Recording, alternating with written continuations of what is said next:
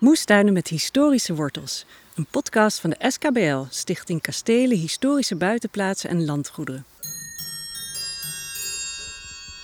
Vormvaste fruitbomen.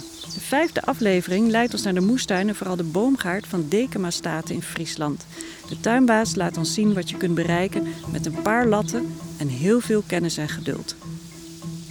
We lopen hier de brug over en de deur wordt voor ons, het poort wordt voor ons geopend door Jacomine. Hallo. Dag Jacomine, fijn dat we hier mogen zijn vandaag. Nou, Jacomine, dit heet het Huiseiland. En ik zag Ja. ook nog dat er een jonghof was, allemaal met een slotgracht eromheen. Klopt, ja zeker. En eh, was dat eh, ter bescherming? Eh, was het hier zo roerig? Ooit wel. In de 15e eeuw hebben we een aantal aanvallen meegemaakt. en is het ook echt gebrandschat en, en plat gebombardeerd eigenlijk. En nu staan we voor de grote brede voordeur. Het ziet er allemaal heel erg echt uit met de leeuwen ernaast. En we gaan even een kijkje binnen nemen. Ja.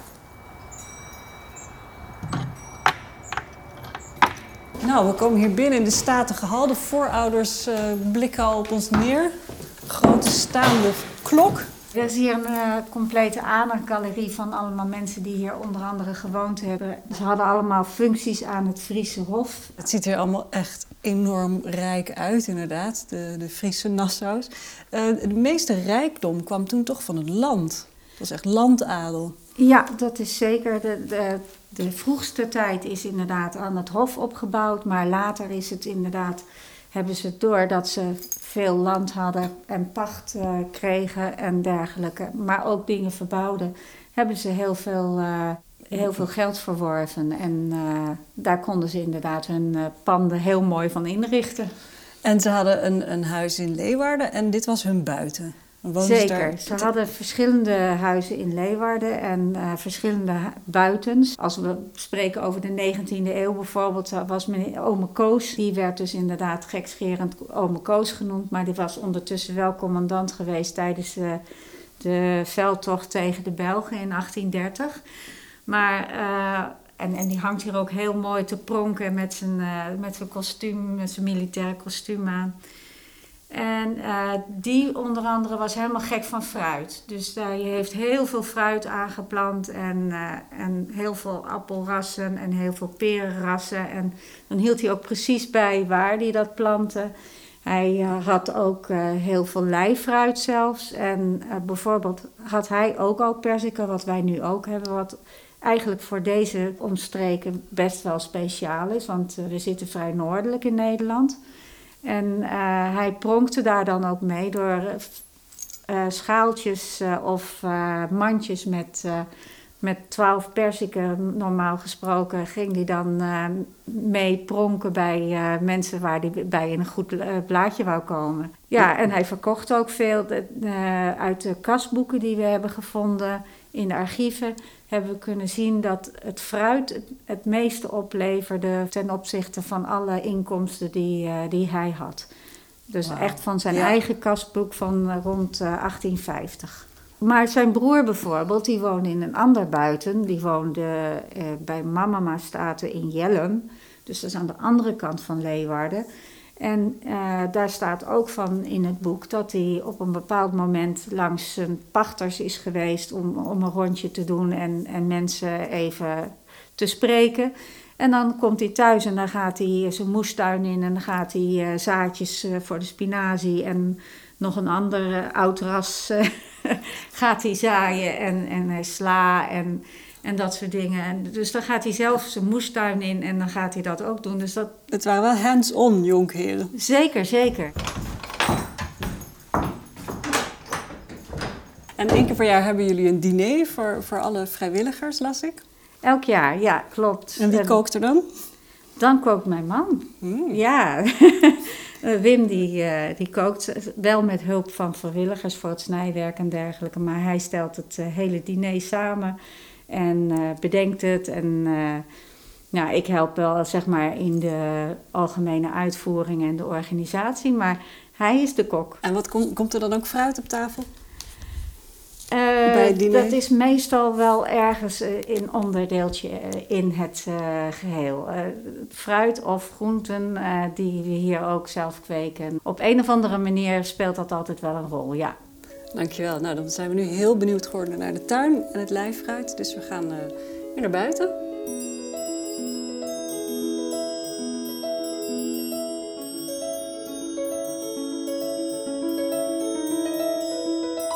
Nu loop ik de moestuin binnen en daar ontmoet ik Wim Hogendam, tuinbaas. En we lopen de boomgaard in. En daar stijgt de straaljager op. En dat hoort er hier ook bij.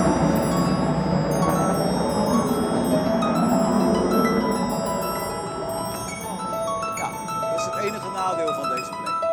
Jij bent hier de tuinbaas. Ja, We staan welkom hier- in mijn tuin. Ja, en eh, we staan hier. Hier is de boomgaard, zoals ik me die voorstel. Maar aan de muren staat allemaal lijfruit. Ja. En heet het nou lijfruit omdat het langs de muur geleid wordt? Is het zo Ja, simpel? omdat het, ja, zoals leilindes, leilindes heet omdat ze geleid worden, eh, heet lijfruit zo omdat ze geleid worden. Dus, en je krijgt dan dus een, eh, langs de muur een echt ander klimaat. Dus dan alsof het zuidelijker is. En daardoor kunnen dan andere rassen groeien en Ja. vrucht dragen. Ja. Ja. En verder is het natuurlijk eh, een voordeel dat je de, de vruchten mooi tegen de muur hebt. Dus je kan ze mooi beschermen als, er, als je tegen de vogels of hè, dan kan je mooie netten ervoor hangen wat bij een grote boom lastig is. En je krijgt hele mooie grote vruchten omdat de vruchten bijna aan de hoofdtakken hangen. Dus hè, bij een boom heb je hoofdtakken, zijtakken en daar zitten weer takjes aan waar de vruchten komen. En bij het lijffruit is het eigenlijk bijna direct aan de hoofdstam hangen de vruchten. Dus je krijgt hele mooie grote vruchten. En Ja. ik zie dat ze in allemaal vormen zijn gesnoeid. Deze hebben een soort U? U. Ja. Ja. En is dat voor speciale bomen beter? Nee hoor, nee, dit is is gewoon, dat- het was gewoon gebruikelijk en dat is dus ook een stukje sierwaarde. Dat eh, zeg maar de, de landgoedeigenaar die, eh, die kan mooi met zijn eh, bezoek rondlopen en laten zien van kijk eens wat mijn eh, tuinman allemaal kan. Dus er zijn allerlei vormpjes ook. Er zijn klassieke bekende, maar ja, ik heb dat ook al, dat je dan denkt van nou het kan ook wel zo. En dan verzin je zelf iets, zeg maar. Dus dat, Dus je hebt hier echt het hand in hand gaan van het nuttige en het Ja, mooie. de sier. Ja, en de ja, sier. ja, je, je treft het nu zeg maar in eh, zeg maar eerste week juni, dus richting de langste dag, dan zit de groei er enorm in en zie je dus de vorm niet zo goed meer. Maar in de bloeitijd, dan is alles kort gesnoeid en dan heb je dus hele strakke vormen met de bloemetjes erin en dan heeft dat natuurlijk een heel stuk sierwaarde. En zag deze tuin er zo uit toen jij hier kwam werken? Eh, nee. Nee. Dus, eh, toen ik hier kwam, eh, 22 jaar geleden, was het eh, net gerestaureerd. De muur was eh, leeg en deels, of grotendeels beplant met klimrozen. En eh, nou ja, ik ben dus meteen begonnen zo van, nou ja, het is een lijfruitmuur, want hij, is, eh, hij heeft een spouw, dus we moeten eh lijfruit bouwen, zeg maar. Door de muur kun je zien, Dus, dit is een ja, muur waar... Ja, ja. En in de archieven is dus ook wel gebleken dat er ook fruit gekocht werd. Waarbij geschreven stond langs het pad of aan de muur. En hoe kwam je aan de kennis om opeens weer met lijfruit te beginnen? Was daar nog veel over bekend toen jij begon? Waar haalde je inspiratie Eh, vandaan? nou, ik had een hoveniersbedrijf en zijdelings een beetje eh, ervaring, maar niet heel veel. Wel op het fruitgebied, maar zeker lijffruit niet zo. Het lijkt me wel ook eh, specialistisch. ja, Dat er niet heel Ja, veel mensen ja, zijn dus die eigenlijk lijfruit eh, hogere wiskunde zeg maar Ja. voor de tuinman. dus, dus ik, ik heb boekjes gekocht en dan krijg je wat de gewone leek ook heeft. Je hebt een boekje, daar staat precies in hoe het moet. En als je dan bij de boom staat, dan denk je, ja, en nu?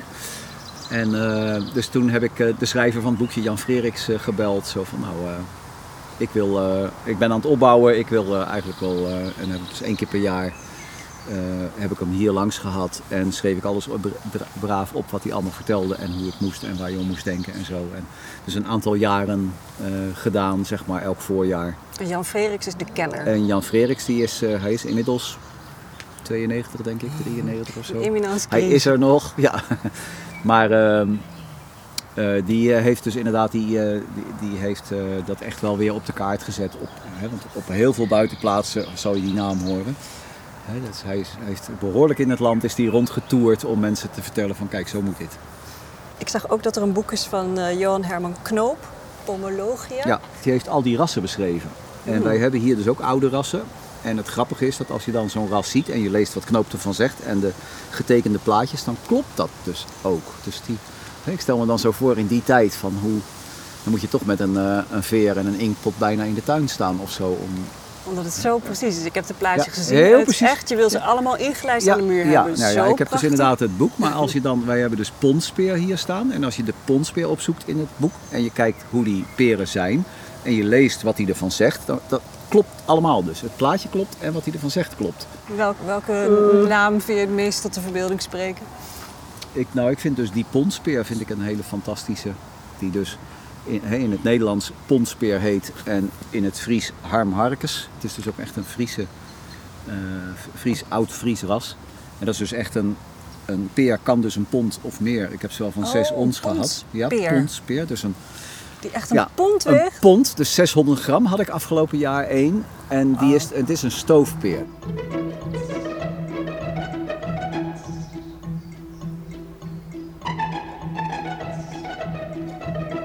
Dus ja, de vrijwilligers. Ik zag Ja. al heel wat mensen in de tuin lopen. Met Ja, hoeveel ja. mensen werken jullie hier in de tuin?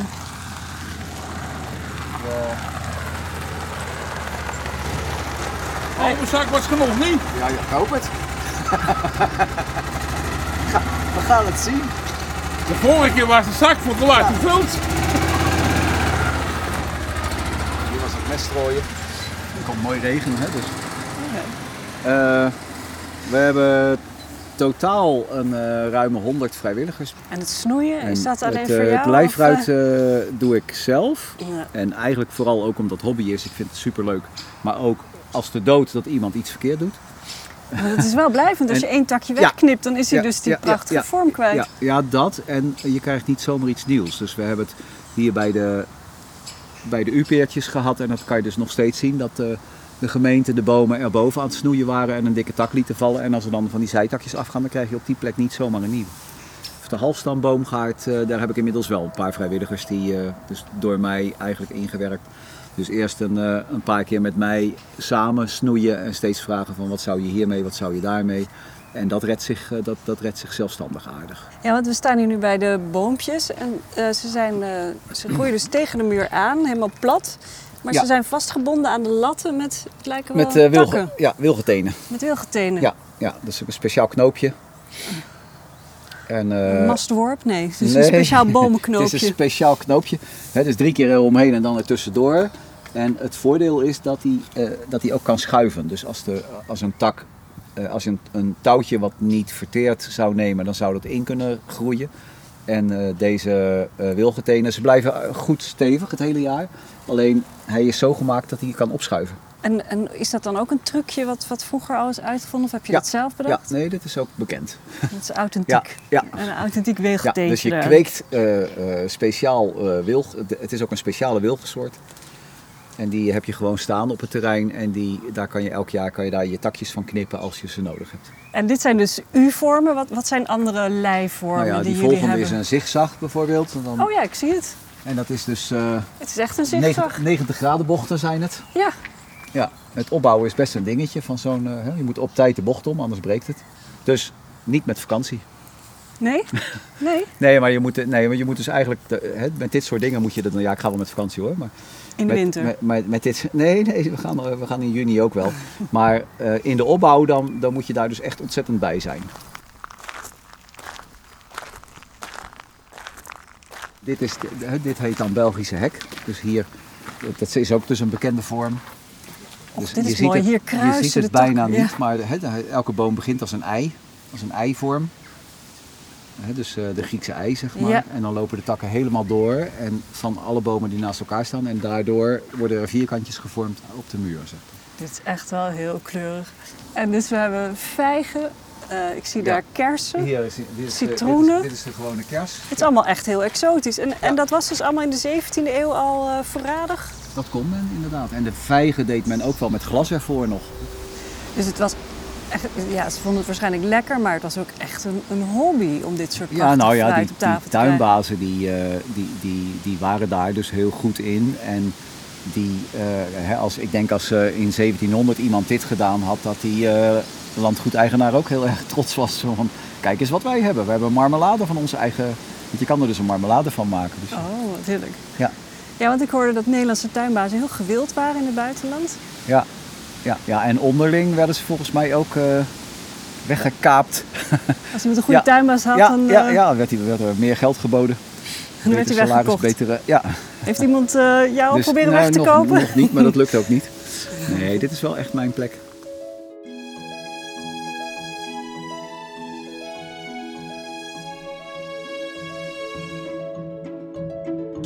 En deze vorm, hoe noem je die? Van Nou, deze dit kersenboom? Dit, dit was een waaier. Ja. Dus dan is Ja, die- je ziet Ja. een mooie waaiervorm met Ja. trosse kersen er al aan. Wauw. Nog wel helemaal geel. En hier zie je dus nu helemaal niets van omdat ze zo wild zijn, maar dit zijn cirkels. Ja, je kan het zien. En dit dus zijn is een- welke, wat Dit is ook een peer. Dat is Eva Baltet. En die bloeit nog. Die, ja, dat is een beetje een nasputter. Maar eh, dan heb je dus een cirkel aan de buitenkant en een cirkel aan de binnenkant. En die vormen, daar zijn dan voorbeeldenboekjes van, net zoals Ja. de tuinplannen. Ja. plannen. Ja. En is het dan ook dat bepaalde bomen zich beter leren, lenen voor cirkels Nou, voor- of waaiers? Vooral de, de onderstammen zijn belangrijk. Dus waar die op geënt is. En als je dus zo'n boompje in een cirkeltje wil drukken of in een zigzag, dan moet hij dus echt een traag groeiende onderstam hebben. Dus dat eh, maakt de onderstam meer uit dan of het een kers of een...